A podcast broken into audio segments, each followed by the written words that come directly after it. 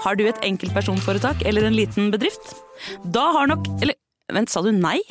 Du vet at fiken også gjør det enkelt å starte din egen bedrift? Fiken superenkelt regnskap. Ja, og hjelp til å starte egen bedrift, da. Nyt sommerferien på Prime. I'm here to show you a wonderful place.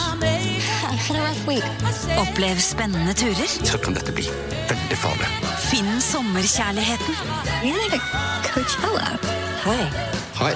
Se på Fallout, Furia eller The Idea of You. Okie dokie. Og gjør deg klar for en sommer full av eventyr. Bare på Prime. Krever abonnement på Prime Video. Hei, og takk for at du hører på denne podkasten. Bøddel er en eh, miniserie som tidligere har blitt publisert i Untold, men ut mai vil du få tilgang til denne samt en rekke andre miniserier og ukentlige episoder av Moderne Media sine podkaster. Du finner Bøddel og andre podkaster som Henrettelsespodden helt reklamefritt i Untold. Som en liten smakebit så får du hver uke i mai en ny episode av disse podkastene, som vanligvis kun er tilgjengelig for Untold-abonnenter. Hvis du liker det du hører, så bør du laste ned Untold, eller gå til untold.app for å starte ditt abonnement i dag. Advarsel. I denne podkasten vil du høre historier basert på informasjon programlederne har funnet selv. Programlederne står ikke nødvendigvis inne for meninger og syn som fremstilles. Noen påstander kan avvike fra virkeligheten.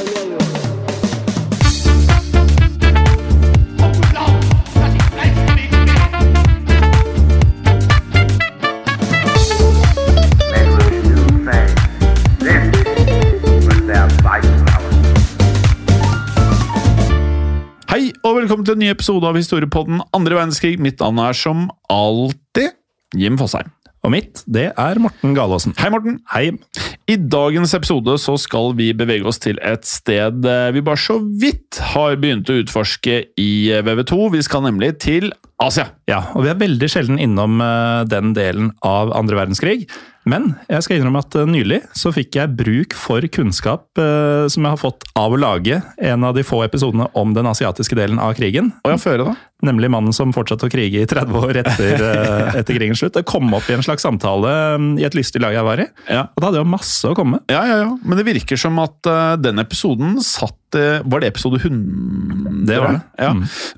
Fordi at jeg ser jo fortsatt at vi får DM-er og folk som bare som hører Fordi folk pløyer seg gjennom alle episodene våre fra gammelt av. Mm. Um, og der er det folk som faktisk da skriver liksom bare Oi, for en historie! Utrolig at jeg ikke har hørt om det før. Og det Ja. er jo en vill historie. Det er helt vilt. Uh, uh, ja. Men i dag så skal vi da snakke om den japanske generalen Tomoyuki Yamashita.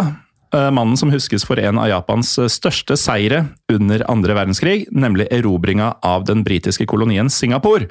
Noe vi selvfølgelig skal innom i denne episoden. Vi skal også høre om krigsforbrytelser og en forsvunnet skatt, kjent som Yamashitas gold. Og ikke minst skal vi innom Yamashitas møte med selveste Adolf Hitler. Men før vi kommer til det, så må vi, som vi veldig ofte gjør, syns jeg, eh, starte med begynnelsen. Ja.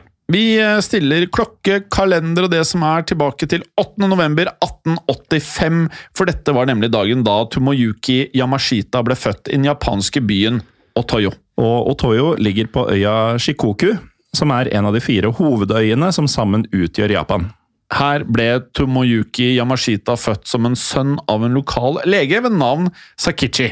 Og ifølge våre kilder så skal moren Yu ha kommet fra det som var en eh, velstående familie. Så det fantes derfor nok av penger til at eh, Tomoyuki kunne skaffe seg en utmerket utdannelse, men her var eh, Sakichi visstnok lite interessert i at sønnen skulle følge i hans fotspor. Ja. I stedet ønsket uh, Sakichi at Tumoyuki skulle gå for en karriere i hæren, og Yamashita jr. ble derfor innrullert som student ved et militærakademi i byen Hiroshima. Og dette hang sammen med at datidens Japan var et meget militaristisk eh, samfunn. I løpet av eh, starten av 1900-tallet hadde Japan nemlig ført en stadig mer aggressiv utenrikspolitikk, noe som ga det japanske militæret meget stor politisk eh, innflytelse. Ja, og det å tjenestegjøre som soldat var da noe som ble oppfattet som særdeles ærefullt, ettersom det japanske samfunnet var da sterkt pliktbasert. Og den største plikten av alle var å tjene nasjonen og den japanske keiseren i krig. Dette ble stadfesta klart gjennom den såkalte bushido, som var en form for æreskodeks som ble tilskrevet de gamle japanske samuraikrigerne. Som var den japanske middelalderens svar på den europeiske ridderen. Og på 1900-tallet så brukte faktisk det japanske militæret bushido aktivt, noe som da gjorde at eh, japanske soldater ofte skilte seg fra sine europeiske og også amerikanske motparter, ettersom bushido-ideologien lærte de opp til å da anse krig som en rensende og eh, døden for å være en slags plikt. Ja, og dette er jo en tankegang som er med på å forklare hvorfor japanske soldater under andre verdenskrig ofte kjempa til døden heller enn å overgi seg, selv om det var umulig å vinne. Vi kan derfor konstatere at vår mann Yamashita mottok en militær utdannelse som i høyeste grad skilte seg ut. Og det å skille seg ut, det var noe Yamashita faktisk også gjorde. Han viste seg nemlig å være en utmerket student, noe som ble understreka da han gikk ut av militærakademiet som en av toppelevene i kullet sitt. Ja, Han var da den 16. beste eleven i et kull som totalt besto av 920 personer. Og Her kan jeg jo da også skyte inn at eh, Yamashita ble uteksaminert bare ett år etter Hideki Toyo, altså mannen som senere ledet Japan som statsminister under annen verdenskrig. Ja, og Toyo og Yamashita skulle, som vi skal høre senere, ende opp som politiske rivaler. Er riktig det, men før vi kommer dit, så må vi ta for oss Yamashitas første år i Hæren. Vi befinner oss da i 1905, som var året den eh, nylig uteksaminerte Yamashita ble innrullert i Hærens infanteristyrker. Og I løpet av de neste årene så viste han seg å være en meget kompetent eh, soldat, noe som gjorde at eh, han steg raskt i gradene. Så allerede i 1908, tre år senere, så ble han forfremmet til løytnant. Ja, og da Japan eh, omsider erklærte krig mot Tyskland i forbindelse med første verdenskrig, så deltok Yamashita i den japanske erobringen av en eh, tysk havnekoloni i den kinesiske kystprovinsen Shandong. Ja, det skjedde i 1914, og i eh, 1916 så ble Yamashita deretter forfremma til kaptein, samtidig som han tok etterutdanning ved et av de beste militærakademiene i Japans hovedstad eh, Tokyo. Denne gangen så ble han uteksaminert som den sjette beste eleven i kullet sitt. Ja, og For å sette kronen på verket, så sørget Yamashita også for å gifte seg eh, samme år.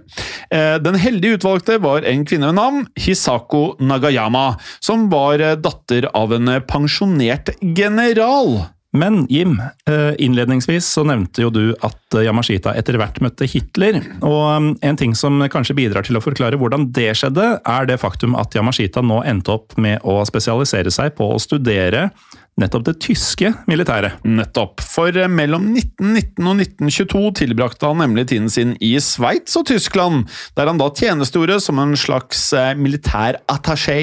Og det er en stilling som Store norske leksikon definerer som en offiser som er knytta til et lands diplomatiske representasjon i en fremmed stat. Ja, og her må vi rett og slett anta at han nok en gang utførte jobben sin på eh, godt vis, ettersom han mottok eh, nok en forfremmelse. Denne gangen så ble han gjort til major. Ja, og med den tittelen på CV-en så vendte Yamashita deretter tilbake til Japan. Hvor han så ble utnevnt til oberstløytnant, og da har vi kommet til 1925.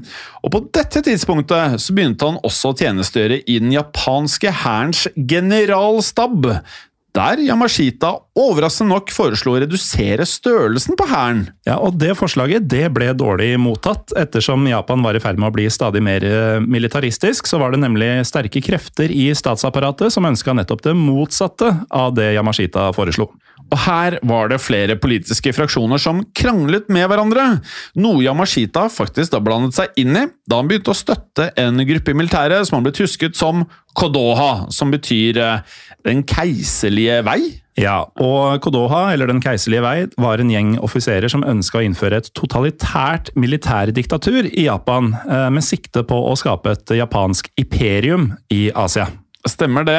Samtidig som da Yamashita inntok en ledende rolle i denne gruppen, så ble han nok en gang sendt ut for å tjenestegjøre som denne militærattachéen. Ja, og forrige gang så var han jo i Sveits og Tyskland. Da gjenstår jo egentlig bare ett land i samme mm, område, og det er Østerrike. Ja, og i 1929 så ble han eh, forfremmet eh, nok en gang, denne gangen til oberst, før han da fikk eh, kommando over et et eliteregiment Regiment, ja, ikke sant? Ja. Eliteregiment i den japanske hæren. Og det vet vi nå, fordi lytterne har sendt oss melding på Historiepodden Norge på Facebook.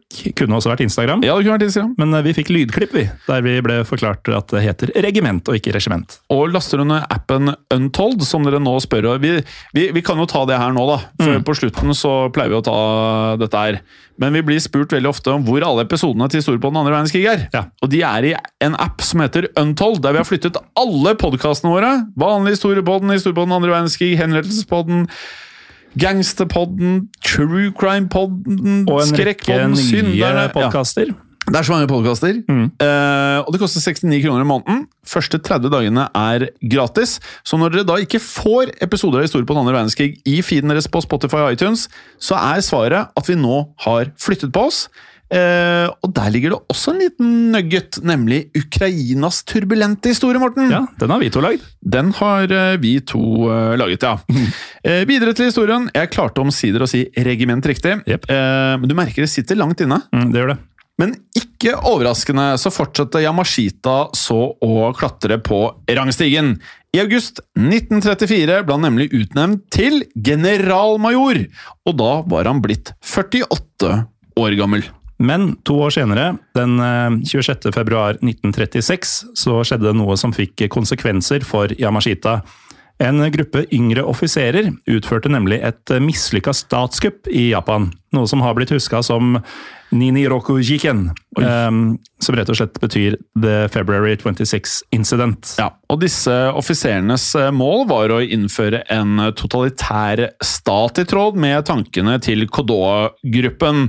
Og da kuppet ble slått ned, var Yamashita en av de da som forsøkte å be om nåde for kuppmakerne. Ja, og det var en forespørsel som ikke ble godtatt, da kuppmakerne i stedet mottok dødsdommer for dette her. Og som et resultat av det hele, så mista Yamashita en betydelig del av innflytelsen han hadde opparbeida seg hos den japanske keiseren Hirohito. Ja. Yamashita ble da omsider overført til en mindre viktig stilling i den såkalte Kwantung-armeen. Eh, den japanske hærstyrken som da var stasjonert i den kinesiske regionen Manchuria. Og dette var nemlig et område som eh, Japan hadde invadert i 1931. Og året etter, altså i 1932, så hadde japanerne deretter oppretta en marionettstat i området som hadde fått navnet Manchuko. Og på det tidspunktet Yamashita ankom dette området, så var japanerne fortsatt i ferd med å utkjempe en krig mot Kina. Du vet sånn, når man, Mange av disse ordene vi bruker, det kan være greit å liksom innimellom eh, bare forklare dem. Marionettstat, hvordan ville du forklart det, Morten? Altså det, de har eh, satt opp eh, et lokalt styre, altså en regjering, som, som liksom skal styre over akkurat det området, men som i virkeligheten er styrt fra Tokyo i dette tilfellet. Nettopp. Men i 1936 så var faktisk dette en konflikt som Yamashita mente at japanerne burde avslutte. Og i motsetning til mange av sine kolleger, så var han også av den oppfatning at Japan burde skape et fredelig forhold til både USA og Storbritannia. Noe som ikke kom til å gå slik Yamashita ønska, og det hang bl.a. sammen med at Japan knytta sterkere bånd til Nazi-Tyskland. Og med det sagt, Jim, så hopper vi fram til 1940, da nazistene var i full gang med å utkjempe andre verdenskrig i Europa. Nærmere bestemt 27.9.1940, for da undertegnet nemlig Japan den såkalte tremaktspakten med Tyskland og Italia. Og her inngikk de tre landene da følgende forpliktelse overfor hverandre. Å hjelpe hverandre med alle politiske, økonomiske og militære midler når en av avtalepartene blir angrepet av en makt som for øyeblikket ikke er innblandet i den europeiske krig eller den kinesk-japanske konflikt. Og som et resultat av denne løse alliansen, så bestemte japanerne seg for å sende en delegasjon med offiserer til Tyskland og Italia. Og tanken var å gjennomføre en studietur hos det tyske og italienske militæret. Ja, og dermed så reiste Yamashita tilbake til Europa han, i det han da fikk ansvaret for å lede denne delegasjonen. Den 18. mai 1941 møtte han derfor Italias eh, altså diktator, altså selveste Benito Mussolini, i Roma. Et møte som kildene våre dessverre ikke beskriver i detalj. Nei, men heldigvis så har vi mer informasjon om eh, Yamashitas eh, neste møte, som var med Tysklands Führer, altså Adolf Hitler. Ja, og det viser seg nemlig da at Yamashita og Hitler ikke gikk helt overens. Nei, for etter å ha tilbrakt eh, flere uker i eh, den gang da altså naziokkuperte Europa, så ble Yamashita presentert for Hitler. Det skjedde 16.6.1941 i Berlin.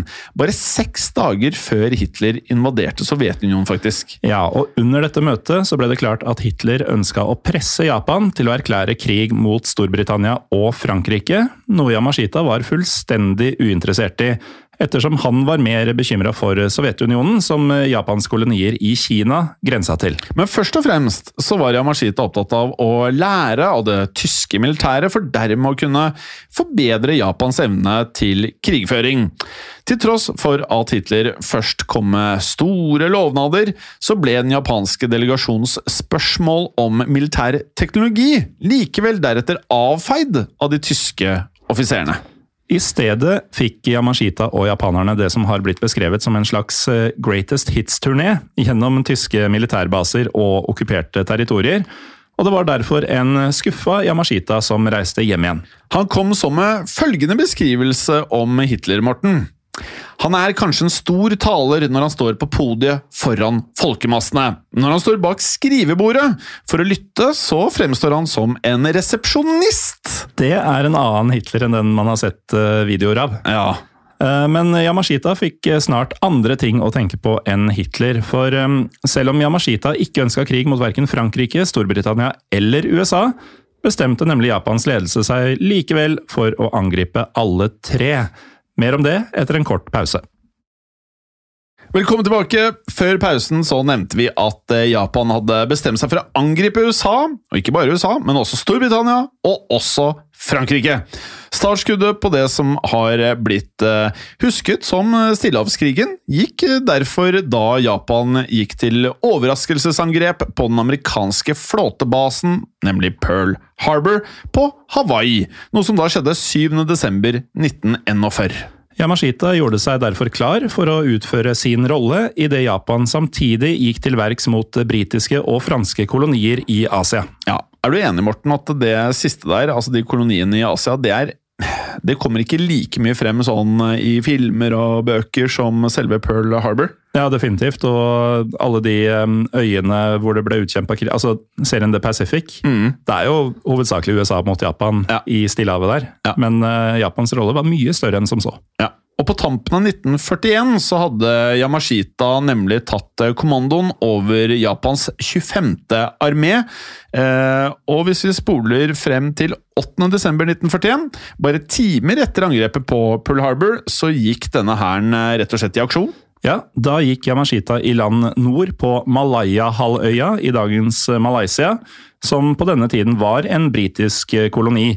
Den viktigste britiske besittelsen i dette området var byen Singapore, som lå helt på sydspissen av halvøya, og var hjem for en av de viktigste marinebasene i hele det britiske imperiet, som vi vet ruled the waves. Ja, det er riktig det. Og britene de eh, forberedte seg derfor eh, å rett og slett da forsvare Singapore med nebb og klør.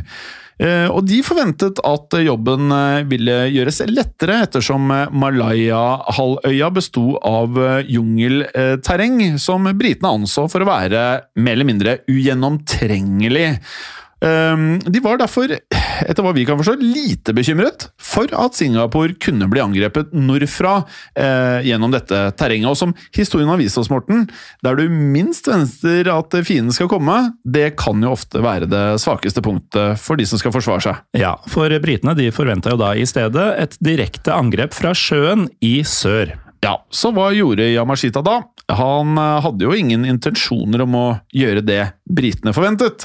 Han hadde derfor gått i land nettopp i nord, der han da planla å angripe gjennom denne ugjennomtrengelige jungelen. Ja, og Samtidig så begynte japanske flystyrker å gå løs på Singapore via flybaser, som japanerne hadde tatt kontroll over enda lenger nord i det såkalte Fransk Indokina. Og det utgjør vel i dag landene Thailand, Laos og Vietnam. Ja, Eh, Kartet har forandra seg, eh, kan man si. Meget. Det at eh, japanske fly var innafor rekkevidde av Singapore, kom da som en fullstendig overraskelse på de britiske forsvarerne. Ja, Men det var ikke den siste overraskelsen de skulle få seg.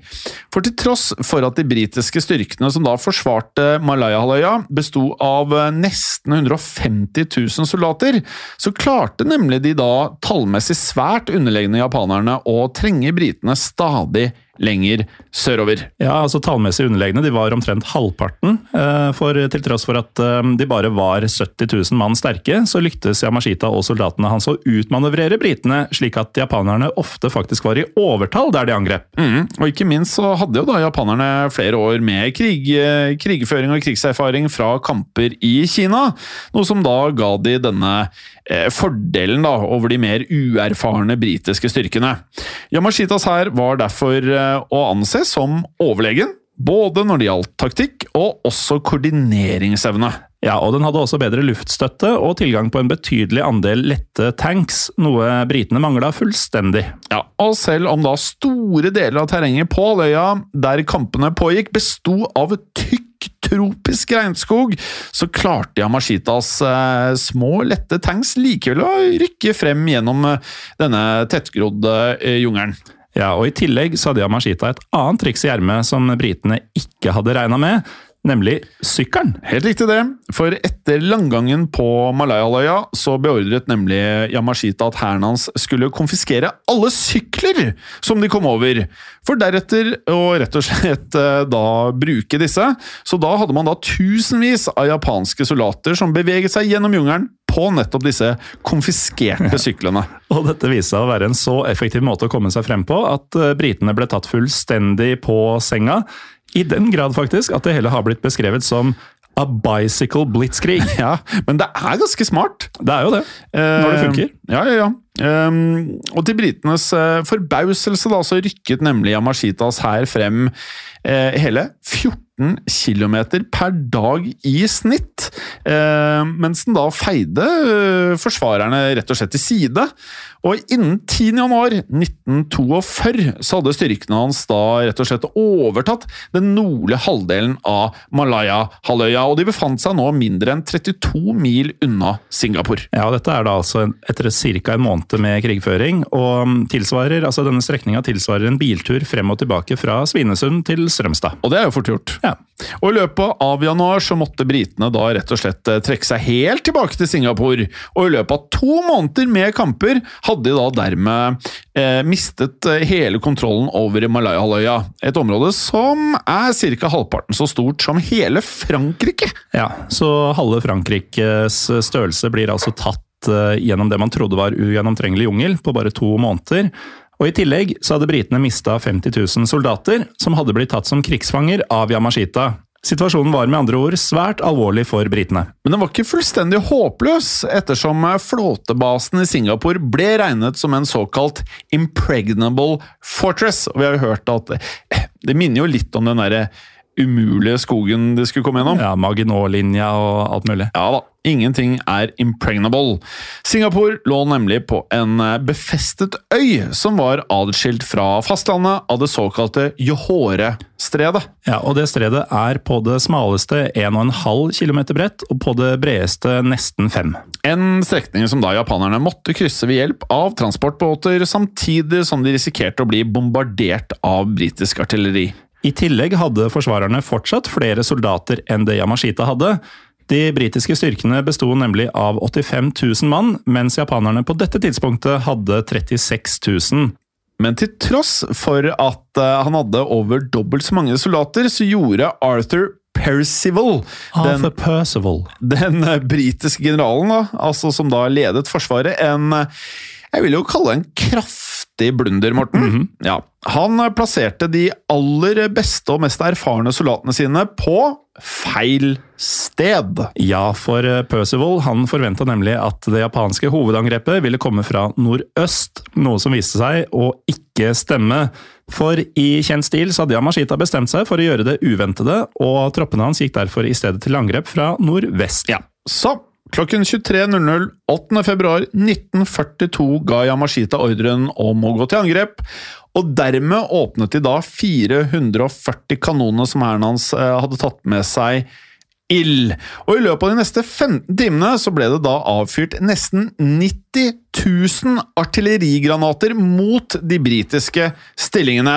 Og det, sånn kjapp hoderegning, utgjør av pluss-minus 200 granater per kanon i snitt. Ja, et eh, lite bombardement der, altså.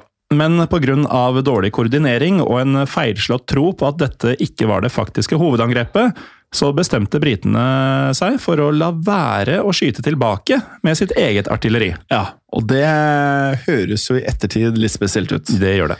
Um, og det besto av 354 kanoner, et tall som da inkluderte tre kanoner som sammen hadde fått tittelen The Johore Battery. Eh, og disse kanonene, som opprinnelig var ment for å monteres på slagskip, hadde, eh, altså det høres jo voldsomt ut, et kaliber på 381 millimeter. Ja, det, det er voldsomt òg, for det var faktisk de største kanonene britene hadde montert på landjord utenfor Storbritannia. Ja, og slikt er ikke billig, Morten. Nei. La meg nå uh, fortelle litt om hva dette er kostet for. Uh, de kanonene som britene valgte å ikke ta i bruk, de kostet nemlig 400 000 pund. Altså bare disse tre som Ja, ja, ja. Mm. ja bare denne uh, tre, treeren, altså de hårde battery. Eh, og så kan man jo tenke seg til, ok, 400 000 pund eh, i dag, det er jo ikke all verden nødvendigvis, eh, med tanke på hva man prater om her. Men når vi konverterer til kroner og inflasjonsjusterer disse 400 000 pundene, så tilsvarer dette her en verdi på 358 millioner kroner. Så det var dyre saker! Ja, og det valgte de da å ikke bruke, og idet britene nølte med å ta i bruk artilleriet sitt, så begynte japanerne å ta seg over Johorestredet. Det gjorde de ved hjelp av hundrevis av lektere og gummibåter. Ja, og I løpet av kun noen få timer hadde 23 000 japanske soldater krysset stredet, og de gikk jo selvfølgelig til angrep de på de nærmeste forsvarerne, som besto av rundt 3000 australske tropper. Ja, ettersom Percival hadde gjetta feil, så befant nemlig de fleste britiske styrkene seg lenger øst, og idet japanerne raskt slo australierne tilbake, ble situasjonen derfor raskt kritisk for Percival. Ja, Det høres ut som eh, britene gjorde mye feil her. Ja, feil på feil og følgefeil og ja. Um, og, det, og Percival han lyktes jo da ikke med å omorganisere soldatene heller. Eh, og med det så klarte han ikke å opprette noe effektivt forsvar på noe tidspunkt her, noe som da ble gjort verre da det viste seg at mesteparten av ammunisjonen de tunge britiske marinekanonene var utstyrt med, rett og slett ikke egnet seg til å avfyres mot mål på land. Det er så mye gærent her på en gang nå. Og idet de uorganiserte britene ble drevet stadig lenger bakover av japanerne, ble kampviljen også gradvis svekka hos Percivals soldater. Men uten at Percival var klar over det, så var Yamashitas styrker samtidig i ferd med å gå tom for ammunisjon. Ja. Yamashita hadde nemlig bestemt seg for å gamble litt, han. Eh, og han ønsket å gamble på at eh, han kunne få britene til å overgi seg før hæren hans ble fri for forsyninger. Noe som utrolig nok viste seg å fungere. Ja, for ettersom britene hadde begynt å lide av både vannmangel, bensinmangel og ammunisjonsmangel selv, så anså Percival og offiserene hans situasjonen for å være så kritisk at det var umulig å fortsette kampen. Så den 15. februar 1942 så overga derfor de nesten 85 000 britene seg derfor til Yamashita, som selv hadde mista 1700 drepte soldater i angrepet. Og dette var den største overgivelsen i britisk militær historie. Og um, om man ønsker å høre mer om akkurat det, så kan jeg avsløre at uh, det fort kan komme en senere episode som tar for seg Singapores fall i enda større detalj. Et lite hint der, altså, Morten. Eh, og med det så konstaterer vi nå at Yamashita nå kunne heise det japanske flagget over den aller viktigste britiske marinebasen i hele Asia. Noe som da sendte rett og slett sjokkbølger gjennom hele verden på dette tidspunktet. Og takket være denne triumfen så fikk Yamashita et nytt kallenavn. Han ble nå kjent som The Tiger of Malaya. Ja, det er jo velfortjent, uh, etter å ha gått gjennom jungel for å um, overta dette her. Men er du enig i at eh, det er snodig hvor lite kjent dette er? Ja, helt enig. For dette er big deal. Dette er big deal, og, um, og det er jo en spektakulær måte å gjøre det på også. Selv så forklarte jo tigeren av Malaya erobringa av Singapore på følgende vis. Angrepet mitt på Singapore var en bløff. En bløff som fungerte. Jeg hadde 30 000 mann og var i undertall mer enn tre til én. Jeg visste at hvis jeg måtte kjempe lenge for Singapore, så ville jeg bli slått. Derfor måtte overgivelsen skje med en gang. Jeg var veldig redd hele tiden for at britene skulle oppdage vår tallmessige svakhet og mangel på forsyninger, og tvinge meg til katastrofale gatekamper. Ja, men eh, i løpet av kampene i Malaya og Singapore så skjedde det også andre ting som senere skulle få store konsekvenser for vår mann i dag. Soldatene under Yamashitas kommando hadde nemlig begått eh, omfattende krigsforbrytelser i form av massakrer på både allierte krigsfanger og også sivile. Ja, og dette var noe Yamashita visstnok hadde forsøkt å hindre ved å gi ordre om at ingen fanger skulle skades. Men uh, dette var likevel noe soldatene hans ikke gikk med på, ettersom den tidligere nevnte Bushido-koden anså overgivelse for å være skammelig, noe som innebar at krigsfanger ofte ble brutalt behandla av japanske soldater. Mm. Noe som eh, jeg føler, Morten, ikke Jeg syns ikke det kommer tydelig frem alt alltid heller. Nei. Um, uansett, da Yamashitas hær tidligere hadde utført eh, drap på titusenvis av sivile under kamper i Kina, så hadde faktisk en av offiserene hans, en major Onishi Satoru, eh, rettferdiggjort forbrytelsene ved å vise til en ordre fra den japanske hærens overkommando. Og den ordren lød som følger. Av det faktum at hæren rykker raskt frem og behøver å bevare freden bak seg, er det viktig å massakrere så mange som mulig av de kineserne som ser ut til å ha antijapanske følelser. Ja, og dermed ble slike handlinger begått i stor, stor skala av Yamashitas soldater, til tross for at han hadde gitt en ordre som sa følgende Ingen plyndring, ingen voldtekt og ingen brannstiftelser. Og det viste seg snart at Yamashitas forsøk på en mer human tilnærming ikke var populær hos andre høytstående japanske krigsledere, annet den japanske statsministeren Hideki Toyo. Senere i 1942 så holdt nemlig Yamashita en tale til innbyggerne i Singapore, som han da presterte å omtale som borgere av Japan. Det er heftig. Ja. Eh, noe den japanske regjeringen var fullstendig uenig i, ettersom man ikke var villig til å gi innbyggere av okkuperte områder noen slags eh, rettigheter på lik linje med japanske statsborgere. Nei, så etter dette så ble Yamashita igjen omplassert idet han ble sendt tilbake til Manchuria. Noe som gjorde at han måtte tilbringe store deler av andre verdenskrig som tilskuer, mens amerikanerne begynte å presse Japan tilbake i kampene som pågikk i Stillehavet. Likevel så ble Yamashita forfremmet til general, og det har faktisk blitt spekulert i ettertid at han ble sendt til Manchuria for å ja, forberede et mulig japansk angrep på nettopp Sovjetunionen fra øst. Altså, Japan de, de hadde ambisjoner, Ja, for å si det pent. De angriper USA den ene veien og planlegger kanskje et angrep på Sovjetunionen. De er ikke redde for noen. Og de hadde allerede holdt på i Kina. Ja. Ja, ja.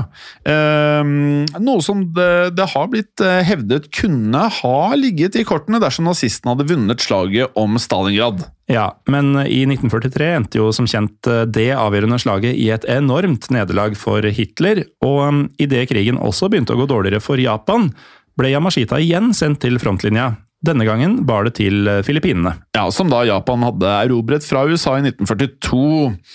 Men idet vi skrur klokken og kalenderen til 1944, hadde amerikanerne slått seg kraftig tilbake, og de var derfor i ferd med å, å rett og slett forberede seg på å gjenerobre nettopp Filippinene. Yamashita fikk derfor kommandoen over 260 000 soldater til å forsvare Filippinene. Og det er da faktisk en god del mer enn det han hadde til å ta Singapore. Det er det. Eh, mange flere. Um, Filippinene består for øvrig av elleve forskjellige hovedøyer. Men uh, altså, Det var flere enn han hadde hatt til å ta Singapore, men det var langt færre soldater enn det amerikanerne kunne stille med. For eh, general Douglas MacArthur, som leda det amerikanske angrepet på øyene, kunne nemlig stille med en samla styrke på nesten fire ganger så mye. Én million soldater. I Singapore så sa Yamashita at han hadde Det var én til tre. Altså én til fire er nå, da. Så enda heftigere odds. Ja, og som vi nevnte, så var jo mange japanske soldater lite innstilt på å overgi seg, ettersom Bushido da la opp til at det skulle kjempes til døden. Så da det amerikanske angrepet starta den 20. oktober 1944, så ble det derfor starten på ekstremt brutale kamper som skulle vare i månedsvis. Ja, og det hele ble verre da 20 000 av Yamashitas eh, soldater trosset ordren hans om å trekke seg ut av den filippinske hovedstaden Manila. Ja, og Som følge av det så ble Manila utsatt for ekstremt harde gatekamper. Da amerikanerne ankom byen den 3. februar 1945, så begynte de japanske forsvarerne også å gå løs på sivilbefolkninga. Og massakrene som pågikk helt til amerikanerne inntok byen en måned seinere, den 3. mars, har blitt huska som The Rape of Manila. Ja. Resultatet var at 100 000 sivile mistet livet, og dette ble Yamashita stilt ansvarlig for etter at Japan ble beseiret. For eh, selv om Yamashita fortsatte å holde ut på Filippinene, der hæren hans ble pressa tilbake til fjellene på landsbygda, så var det jo nå klart at eh, Japan hang i taua.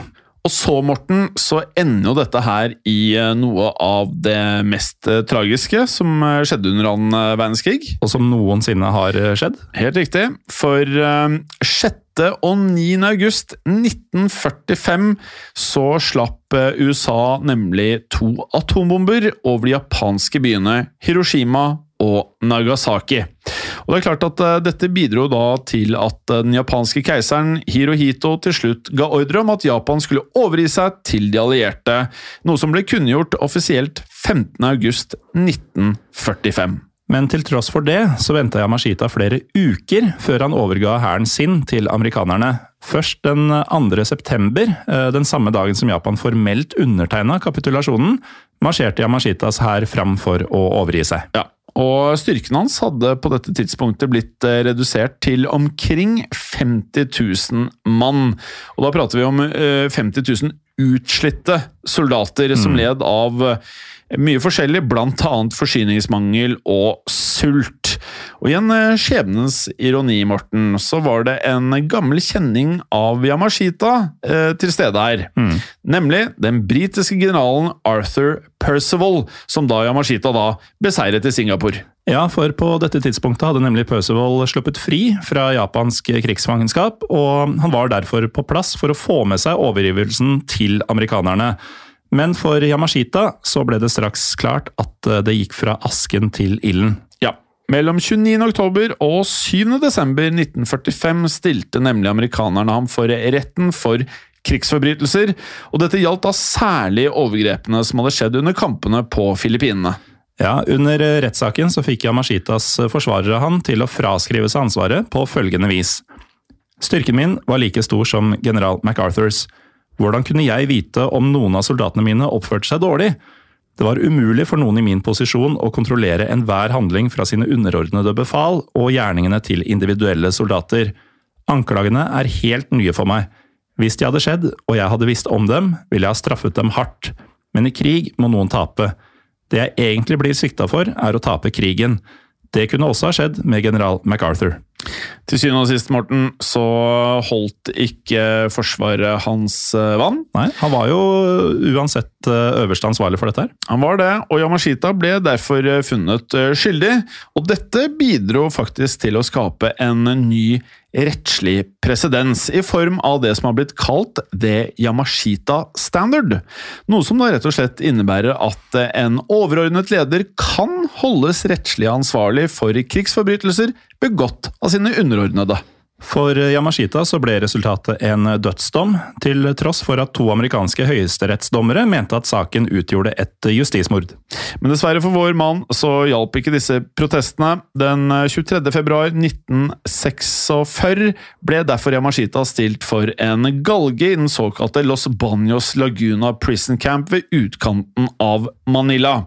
Yamashita han gikk opp 13 trappetrinn som ledet til galgen, og ga her eh, sine aller siste ord via en tolk. Og tolken gjenga da det følgende.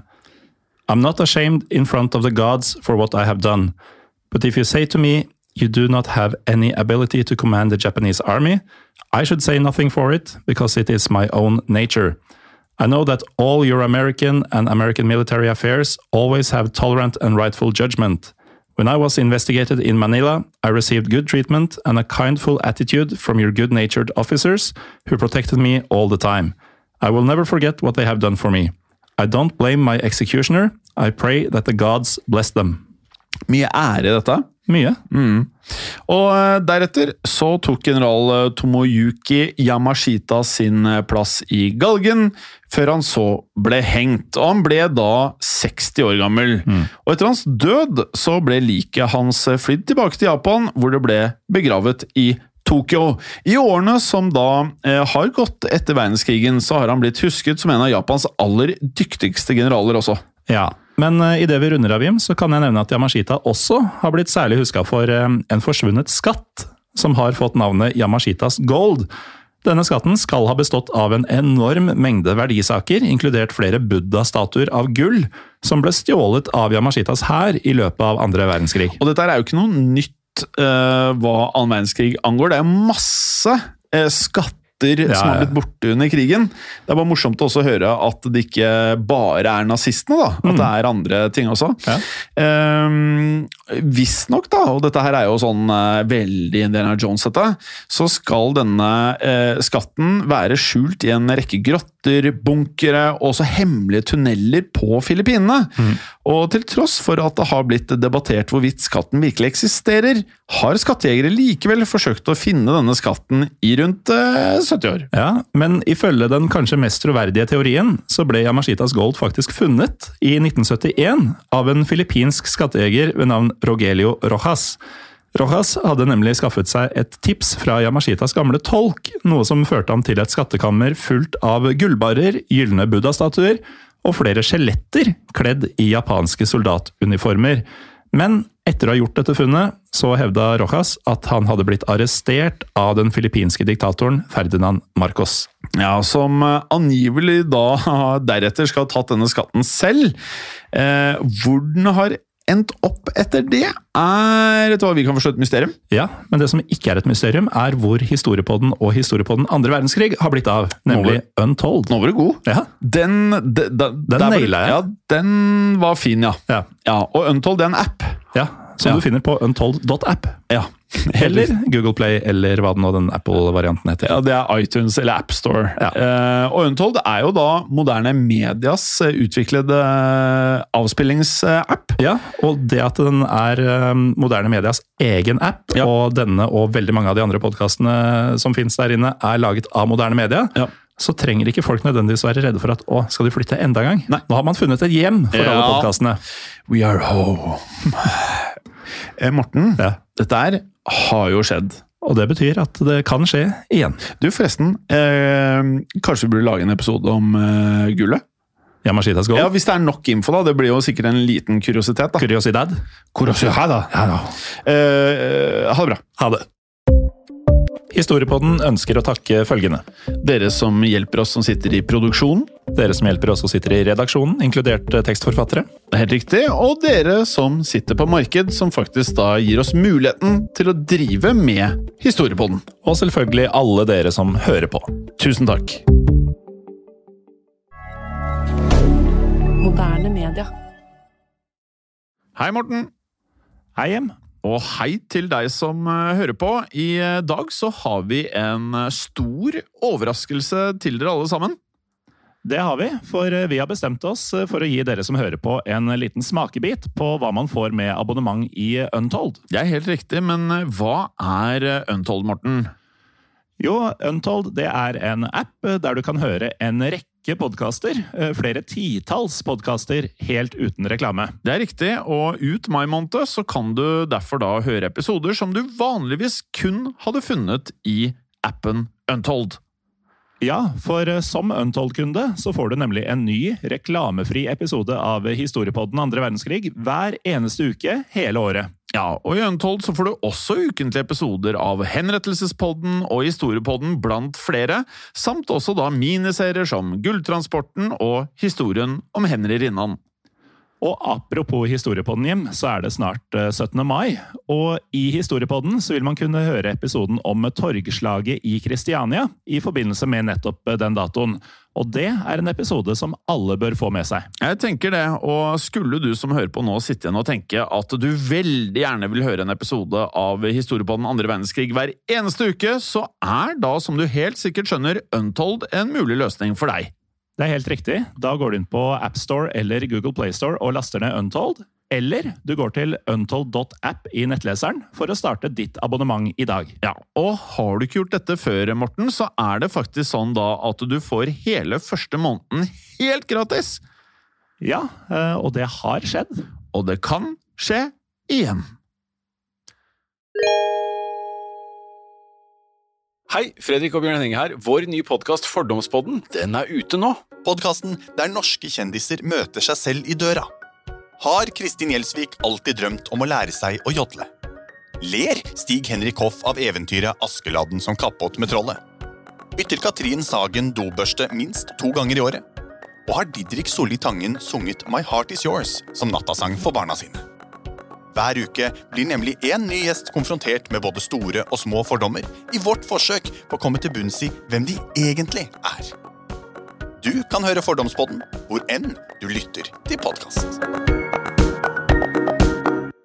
Klokka er sju om morgenen. Tirsdag den 9. april 1940. Det er en telefon som ringer. Det er hjemme hos banksjef Andreas Lund på Lillehammer. Andreas Lund tar telefonen, og den som ringer, er sjefen hans. Det er sentralbanksjef i Norge, Nikolai Rygg. Rygg forteller Andreas Lund at Norge er i ferd med å bli invadert av tyskerne. Nå gjelder det å få reddet Norges gullreserve. Så lett skulle det ikke bli. Gulltransporten. Den utrolige historien om hvordan Norge så vidt klarte å redde Norges gull unna tyskernes klør. Gulltransporten er en miniserie som tidligere har blitt publisert i Untold. Men ut mai vil du få tilgang til denne, samt en rekke andre miniserier og ukentlige episoder av Moderne Medias podkaster. Hvis du liker det du hører, bør du laste ned Untold, eller gå til untold.app for å starte ditt abonnement i dag.